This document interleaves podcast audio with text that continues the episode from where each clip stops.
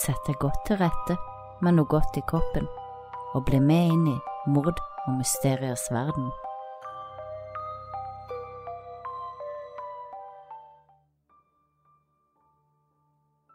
Livet smilte til nygifte Michael. Han ante fred og ingen fare da politiet plutselig står på døren hans og ber han bli med til politistasjonen.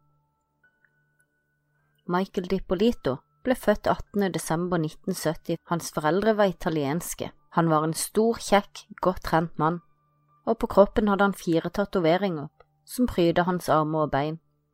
En sort panter, et italiensk flagg, Jesus og en kvinne.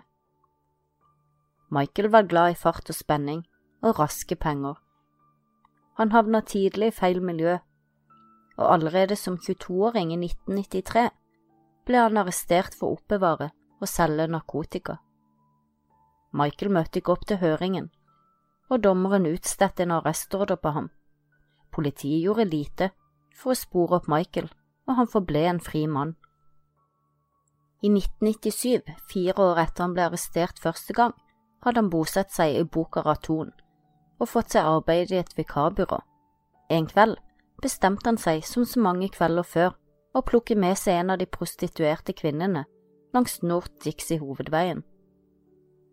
Han stopper ved en av kvinnene og tilbyr henne 300 kroner for sex, men kvinnen viser seg å være en politikvinne som jobber undercover. Michael ble arrestert på stedet, han sier seg skyldig og ble sluppet ut igjen samme kvelden. Det var ikke lenge etter dette at han møtte Karen Tanne. Hun fikk ham til å roe ned livsstilen, og bare ett år senere så ønska de sin sønn velkommen. Men kort tid etter begynte forholdet å rakne, og snart møtte Michael en ny kvinne, Maria Lungo. Maria var en søt, brunøyd jente, og som Michael var også hun fra en italiensk familie. Maria og Michael hadde et godt forhold. Maria beskriver ham som søt og omsorgsfull, en mann som gjorde alt for henne, som en mann som aldri ville såret eller skadet noen med vilje. Dette på tross av at Michael i flere år drev et firma som lurte folk til å investere penger i spekulasjoner på vekslingskursen mellom dollar og japanske yen og euro og britiske pund. Michael investerte aldri pengene. Han beholdt dem selv og levde et liv i sus og dus med dyre reiser, hotellrom, klær og smykker. Han brukte også en del penger på online sex-chatterom og på telefonsex, uten at Maria visste om dette. I mars 2002 fikk det hele en brå slutt da Michael ble arrestert og han sa seg skyldig i organisert bedrageri, tyveri og for å ha drevet et telemarketingfirma ulisensiert. Han ble dømt til to år i fengsel, samt å tilbakebetale et beløp i måneden til de menneskene han hadde bedratt. I tillegg fikk han en prøvetid på 28 år. Hans kjæreste Maria sto støtt ved hans side, også da Michael sonet dommen sin. I 2007 startet Michael et online-firma ved navnet Mad Media, og deler av inntekten gikk til å tilbakebetale de han hadde bedratt penger ifra. Samme året giftet han seg med Maria, etter å ha vært et par i nesten ni år. Men Maria hun kjente ikke Michael så godt som hun trodde. Han tjente veldig bra med firmaet sitt Mad Media, men Maria hadde ingen anelse om hva slags firma han drev, og hvilke tjenester han solgte, men han tjente nærmere en million i året. En annen ting Maria heller ikke visste, var at Michael underholdt seg selv med eskortepiker de gangene hun var på jobbreiser. 8. oktober 2008 bare måneder etter at Maria og Michael hadde giftet seg, kysser Maria Michael farvel og reiser av gårde på nok en jobbreise. Samme kvelden bestiller Michael en kvinne fra eskortebyrået. Det banker på døren hans, og utenfor står en vakker brunette ved navn Dalia Mohammed. Dalia Mohammed ble født 18. oktober 1982. Hun vokste opp sammen med sin mor og to søsken i Florida. Dahlia var en vakker ung kvinne, med sitt mørke hår, grønne øyne, veltrente og delvis betalte kropp. Hun lærte seg tidlig at hennes utseende og uskyldige blikk og stemme kunne gi henne det hun ønsket, og få det slik hun ville i de aller fleste situasjoner. Hun hadde de fleste menn rundt lillefingeren og var ikke vant til å få et nei. Ved å være eskortepike tjente hun gode penger, og mennene hun traff, kunne gi henne den livsstilen hun selv følte hun fortjente. Klientene var i alle aldre, og utseendet kunne variere, men én ting hadde de til felles – mye penger. Michael ble umiddelbart bergtatt av kvinnen med de grønne øynene som nå sto på kontoret hans, og det virket å være gjensidig. Selv om Dahlia var tolv år yngre enn Michael, virket hun også å falle pladask for ham, og allerede dagen etter var de ute på date. Da Maria kom hjem fra jobbreisen bare noen dager senere, ble hun møtt av en kald Michael som annonserte at han ville skilles fra henne, og han flyttet ut umiddelbart. Maria forsto ingenting og var helt knust. Michael sa ingenting om at han hadde truffet en annen kvinne, men bare dager senere oppdaget Maria Michael mens han sto i blomsterbutikken og bestilte blomster til Dahlia. Da hun konfronterte Michael, innrømmet han at han hadde truffet en annen kvinne. Tre måneder senere, mot slutten av januar i 2009, ble Maria og Michael offisielt skilt, og bare fem dager senere giftet han seg med Dahlia. Michael kjøpte et stort hus kontant fra en i familien til Dahlia, og hun ordnet med overføringen av pengene. Huset kostet to og en halv millioner kroner. Livet smilte til Michael og Dahlia. De hadde en flott bryllupsreise, og da de startet hverdagen i sammen, kom de raskt inn i en fast rutine. Dahlia brukte dagene på egenpleie hos frisøren, i solstudio, på trening, og hun shoppet en hel del. Michael forsørget nå Dahlia, og han drev firmaet sitt hjemmefra. Huset var utstyrt med overvåkningskamera både foran og bak. Michael trente også daglig og brukte steorider for å pumpe seg stor. De anskaffet seg også to hunder som de kalte for Bella og Lingvine. Et par måneder inn i ekteskapet dro Michael og Dahlia på ferie og sjekket inn på det luksuriøse hotellet Ritz-Carlton. Men da de skulle reise hjem, og sjekket ut av hotellet, sto plutselig politiet og ventet på dem ved Michaels bil. Politiet fortalte at de hadde fått et anonymt tips om at Michael solgte narkotika. Politiet gjennomsøkte bilen og bagasjen, men de fant ingenting, og Michael og Dahlia fikk lov å kjøre hjem. Michael lurte veldig på hvem som hadde tipsa politiet.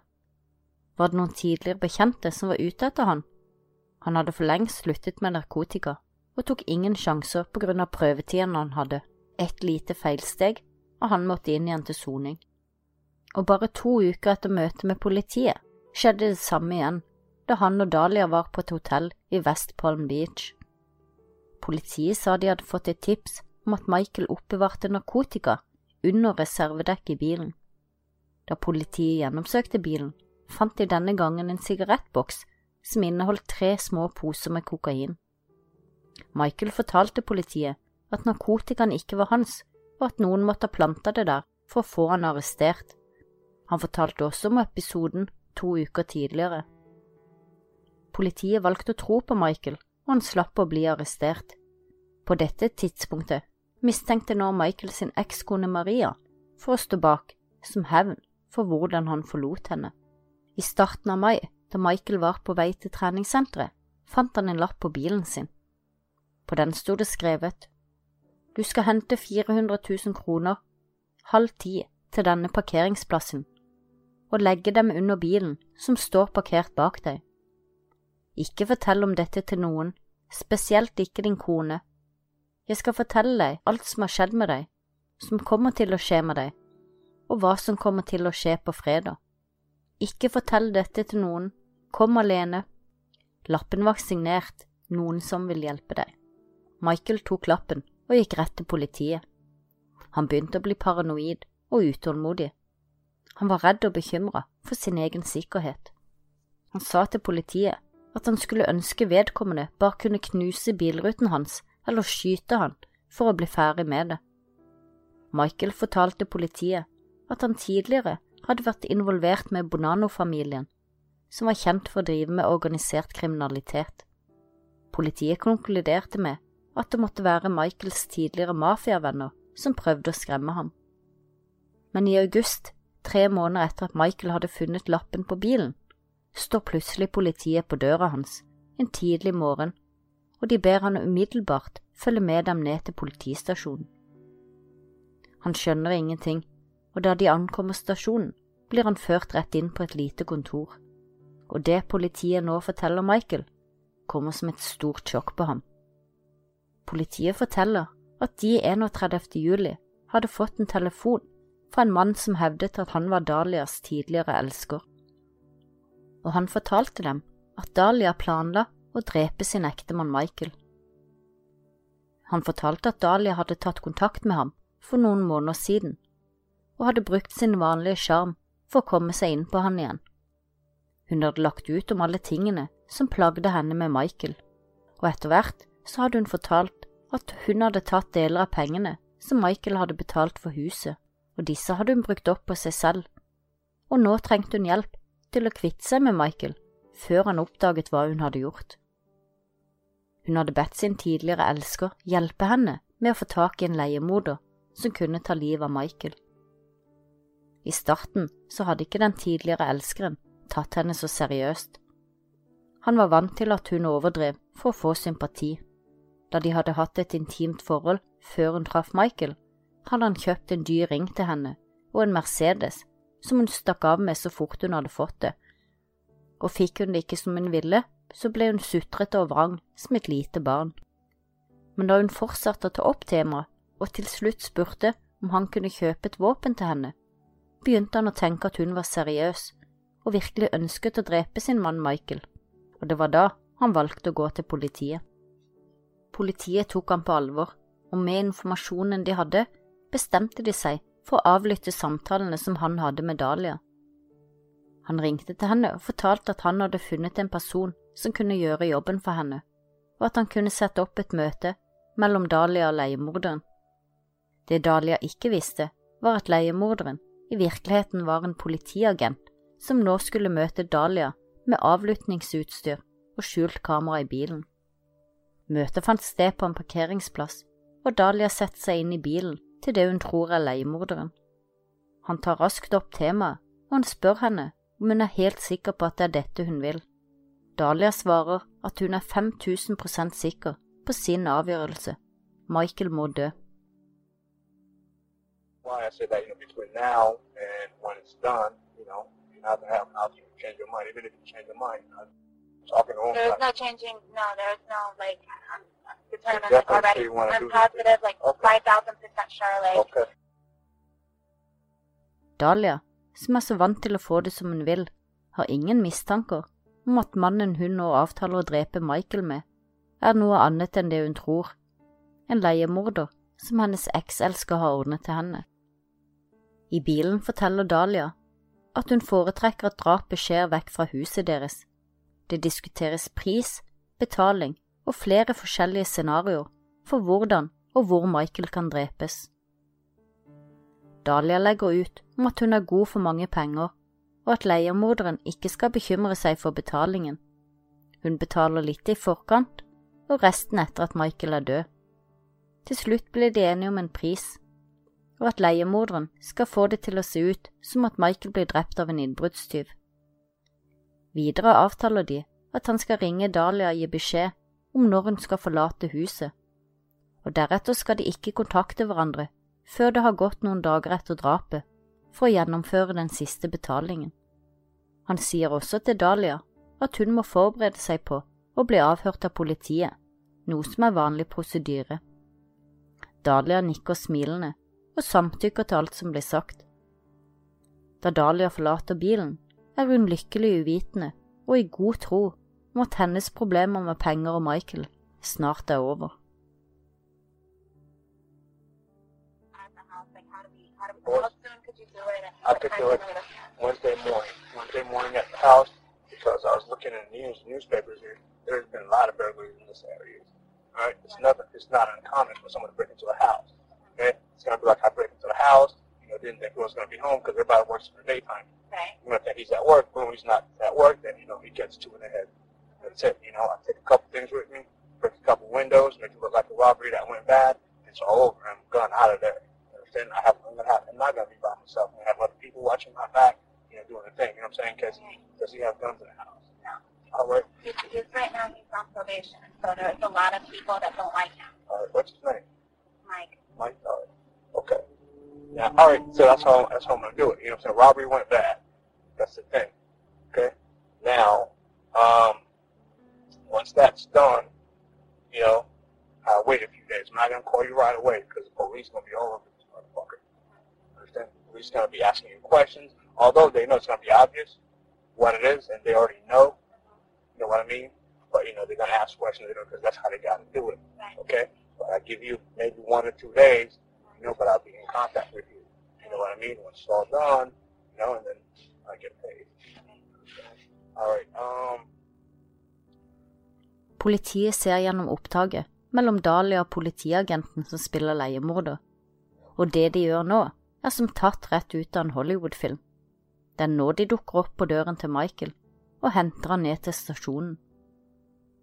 I forkant har politiets agent som spiller leiemorder, ringt til Dahlia og har bedt henne forlate huset og gå på trening som avtalt, slik at han kan utføre det hun tror er drapet på ektemannen sin. Mens Michael er på politistasjonen og Dahlia er på trening, så rigger politiet seg opp utenfor Michaels hus, med gul teip rundt og flere politibiler. I tillegg er det filmcrew der fra TV-serien Kops som følger de rundt og filmer. Politiet ringer til Dahlia og ber henne komme hjem. Hun forlater treningen, godt forberedt på hva som venter henne. Da hun nærmer seg hjemmet, ser hun at politiet har sperret av huset, og hun ser flere politibiler. Politiet går henne i møte når de ser hun nærmer seg. De spør om hun er Dalia Di Polito, før de forteller henne, mens det hele blir fanget på film, at noe forferdelig har skjedd. De forteller at hennes mann Michael har blitt drept i hjemmet deres. Som på kommando begynner Dalia å gråte og regelrett ramler inn i armene på politiet, hvor hun raskt tar rollen som en sjokkert og opprørt kone. Politiet spiller med og fører henne bort til en av politibilene og frakter henne ned til stasjonen. Akkurat slik Dahlia forventet. Hun vet ikke at Michael lever i beste velgående, og at hun snart skal bli konfrontert med hva hun har gjort. Uh, ma'am, I need to talk to you. It's very urgent when you come home. It involves your husband. There's been an incident. Okay, can you come right back to your residence, please? Yeah, I'm leaving right now. Is he okay? Ma'am, I'll tell you everything you need to know when you get here, okay? Thank you. All right, bye-bye. Listen, we had a report of a disturbance at your house, and there were shots fired. Is your husband Michael? Okay, I'm sorry to tell you, ma'am. He's been killed. He's, he's been killed, man. I'm sorry. he's not. Listen. No, no, Try to calm down. no, Listen, no. right now what we do- we need to get you to the no, station. No. We need to get you to our police station. I want to see him. I can't let you in, man. We have to do our job. Da de ankommer stasjonen, blir hun ført inn på et lite mørkt avhørsrom. Først lar politiet henne tro at de etterforsker Michael sin død, og gir uttrykk for at de håper hun kan hjelpe dem. Hun er ikke sen med å fortelle at hun mistenker en mafia ved navn Pascal, som Michael visstnok skal ha noe uoppgjort med. Politiet lar Dahlia gråte og prate en stund, før betjenten som har avhørt henne brått reiser seg og forlater avhørsrommet. Is there anybody you could think of that would want to do this to him? I was telling the officers we've had problems already, and What sort of he's been, he's been trying to get off probation, Uh-huh. and it's just been nothing but problems the whole time that he's been trying to get off. Um, people weren't happy that he was getting off probation because it's a lot of money he's got to pay back. Well, when you say people, who are you talking about? People that were involved with him before, Just or a little bit of everything. This was supposed to be something when he got off probation. It was supposed to be between us, and he went and he told you know friends of his. He told you know certain people, and everyone kind of talks. And he's constantly running into a lot of the guys that he was on probation with. Like a couple days ago, we ran into someone, and that was a, a target. I mean, you know, and the guy comes up to us, and he's like with organized crime. It seems like a lot of the guys from Boca are starting to move up here, and we're constantly running into, you know what I mean, a lot of the guys that he he knows and Mhm. things like that. Okay. All right, just hang on for a second. Thank you. You want to wait here?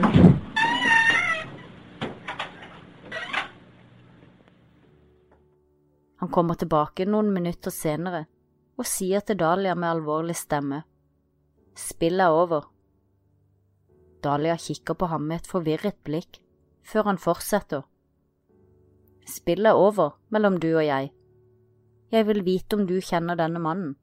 Døren åpner seg, og inn kommer en mann i håndjern. Politiets agent, fremdeles i rollen som leiemorder. Dahlia ser sjokkert ut og sier hun ikke kjenner ham. Hun sverger på at hun aldri har sett ham før. Go ahead you drink some water. Now, you know that I advised you of your rights, right? Yes, you have. Okay, the game's over with. Okay, there's no more games with you and I. Now we're gonna get down to serious business. I wanna know if you know this guy. Come here, bring this guy in here. Get over here. Get over here. You know who this guy is? No, You've never seen him before. I've never seen him before, ever. Do you know her? Put your head up and look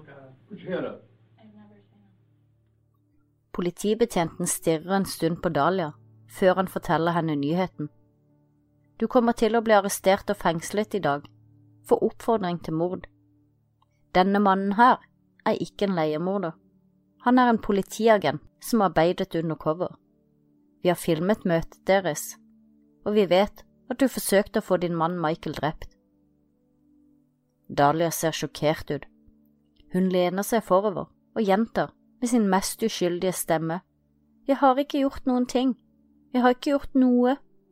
Samtidig som hun gråter. Politibetjenten fortsetter å fortelle. Din mann er ikke død. Han står ute i gangen her.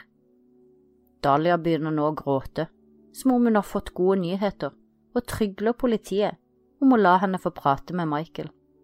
Nei, han vil ikke se deg, svarer politiet mens de setter håndjern på henne. I det samme dukker Michael opp i døråpningen, og Dahlia bryter ut Kom her, vær så snill, kom her, med desperat, tryglende, samtidig litt kommanderende stemme. Michael svarer nei, jeg kan ikke, og Dahlia blir ført bort av politiet, mens hun desperat trygler og bedyrer sin uskyld. You're going to jail today for solicitation of murder. You're under arrest. That's an undercover police officer. We filmed everything that you did, recorded everything that you did. You're going to jail for solicitation of first-degree murder of your husband. I didn't do anything. Did you hear what I just told you? I heard what you said, but I didn't Everything, listen to me. Everything has been recorded. You were photographed in the convertible when you sat in his car in the front of CVS. What do you want to do? What do you want to do here? I didn't do Dahlia? anything. Listen to me. I didn't do anything. You're going to I to didn't jail. do anything, please. I didn't do anything. Tell me you didn't do anything. I didn't do anything. You're going to jail today. As soon as I'm done, oh, they're going to come in here and handcuff you and take you to the Palm Beach County Jail, book you for solicitation of first-degree murder on your husband. Your husband is well and alive. Thank God. Oh, yeah, thank I God. No, he doesn't want to see you. I so wanted to see him. He doesn't want to see you. Please. You better quit your playing. Listen to me. I want you to quit your acting and get this over with. I'm not. Yes, you are. Okay, you know what? You need a real good attorney. You need a real good attorney because we're going to show them the film where you say you're 5,000% sure you want him dead. What do you want to do before I leave here? Because the next officer comes here, going to handcuff you and take you to the jail. see my husband, please. No, he doesn't want to see you. He doesn't want to see you. I'm leaving now. Can I have an officer come in here and cuff this, the person? I don't know what's going on, please. We go ahead and arrest her for solicitation of first degree murder. I don't understand what's happening, please. Can you folks stand up? Stand up, please. Come on.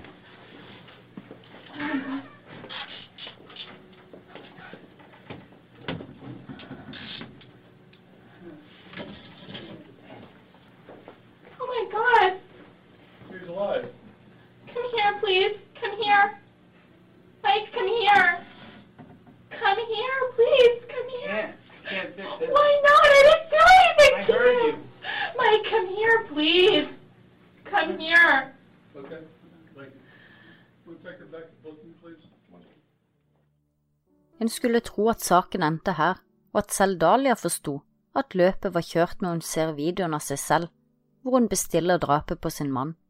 Men Dahlia, som er så vant med å alltid få det som hun vil, fortsetter å bedyre at hun ikke har gjort noe galt.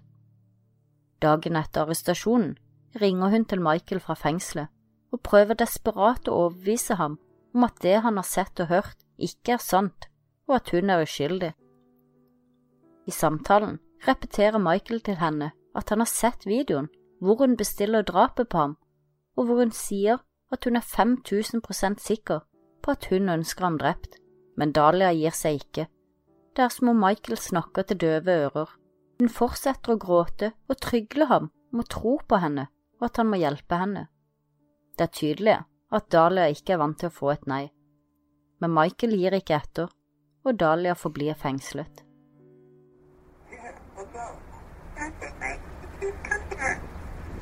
Hey, listen, I'm, I'm not, I want to fight with you. Honestly. I can't help you. I don't you understand what just happened? What they're saying is not true.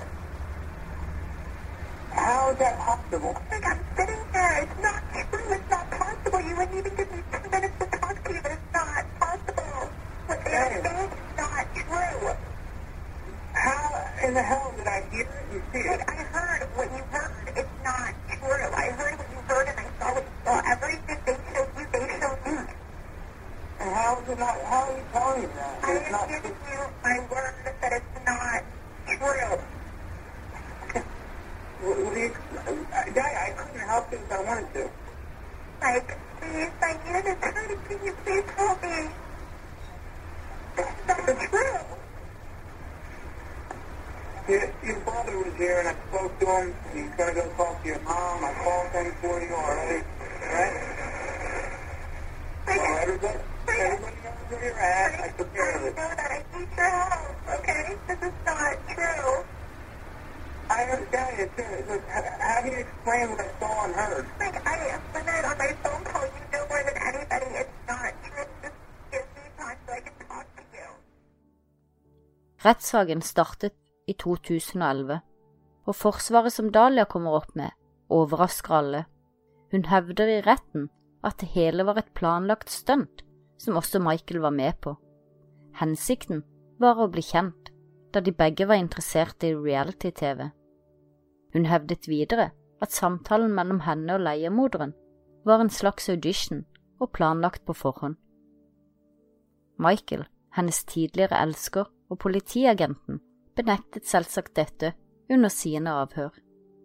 Retten og juryen trodde ikke på Dalias historie, og hun ble funnet skyldig i forsøk på drap og dømt til 20 år i fengsel. Men saken endte ikke her. Advokaten hennes oppdaget at et av jurymedlemmene hadde fått feil informasjon om at Dahlia hadde planlagt å drepe Michael med antifreeze, og dette var nok til å få en ny rettssak. Det skulle ta hele seks år før saken kom opp på nytt. I disse årene satt Dahlia i husarrest hjemme hos sin mor. I denne tiden gjorde hun også et TV-intervju hvor hun fortsatte å hevde sin uskyld. Mike love it? Did you love it? Did you love it together? He liked the fact that people would be on these shows and essentially get paid to do nothing. It's just watching them at home or on their couch. Back then, it was all innocent fun, she says. Two people just dreaming together of being on TV. He said, you know, if they, they could do it, if, if you're watching these people do it, there's no reason why, you know, we can't do it. We look better than those people. And You kept saying, I didn't do anything. Please, I didn't do anything. Was that all you could think of to say? they were accusing me of trying to have my husband killed, and I, I didn't. Did you want your husband dead? No, absolutely not. Did you hire a hitman to kill your husband? No. How do you explain what we have all seen and heard on those videotapes? I'd like to be able to explain that to you right now, but I can't because the attorneys legally have told me that we're saving that for our day in court. Rettssaken kom opp for andre gang i 2017. Denne gangen spilte advokaten hennes på at hun var offer for politiets felle, at de hadde satt henne opp i situasjonen, og dermed var Dahlia uskyldig. På tidspunktet hvor Dahlia ble møtt av politiet utenfor huset sitt og fortalt at hennes mann var drept, ble politiet fulgt av et TV-team som filmet hele seansen. Dette var det kjente TV-showet Kops som fulgte politiet rundt i sitt arbeid. Advokaten hevdet at det hele var satt opp i den hensikt å lage en underholdende episode til serien. Denne gangen klarte ikke juryene å bli enige, og rettssaken ble erklært ugyldig. En tredje rettssak ble satt i gang 6. juni 2017, åtte år etter at Dahlia ble arrestert første gang, og bare måneder etter forrige rettssak. Etter et sterkt vitnemål fra hennes nå eksmann Michael ble Dahlia endelig dømt skyldig i forsøk på drap. Hun fikk en dom på 16 års fengsel og et fratrekk for de åtte årene som hun hadde sittet i husarrest. Dette ga henne åtte år igjen å sone. All right, Ms. DiPolito, if you would stand for publishing of the verdict, and clerk may publish the verdict. In the Circuit Court of the 15th Judicial Circuit, Criminal Division, in and for Palm Beach County, Florida, case number 09CF009771 A and B, Division W. State of Florida versus Dahlia A. DiPolito, defendant. Verdict. We, the jury, find as follows. As to count one, we find the defendant guilty of solicitation to commit first-degree murder as charged in the information. So say we all, the 16th day of June 2017 in West Palm Beach, Palm Beach County, Florida, jury four person. Om fem år, i 2025, er Dahlia igjen en fri kvinne, takket være hennes ekselsker som ikke lot henne drepe sin ektemann for penger.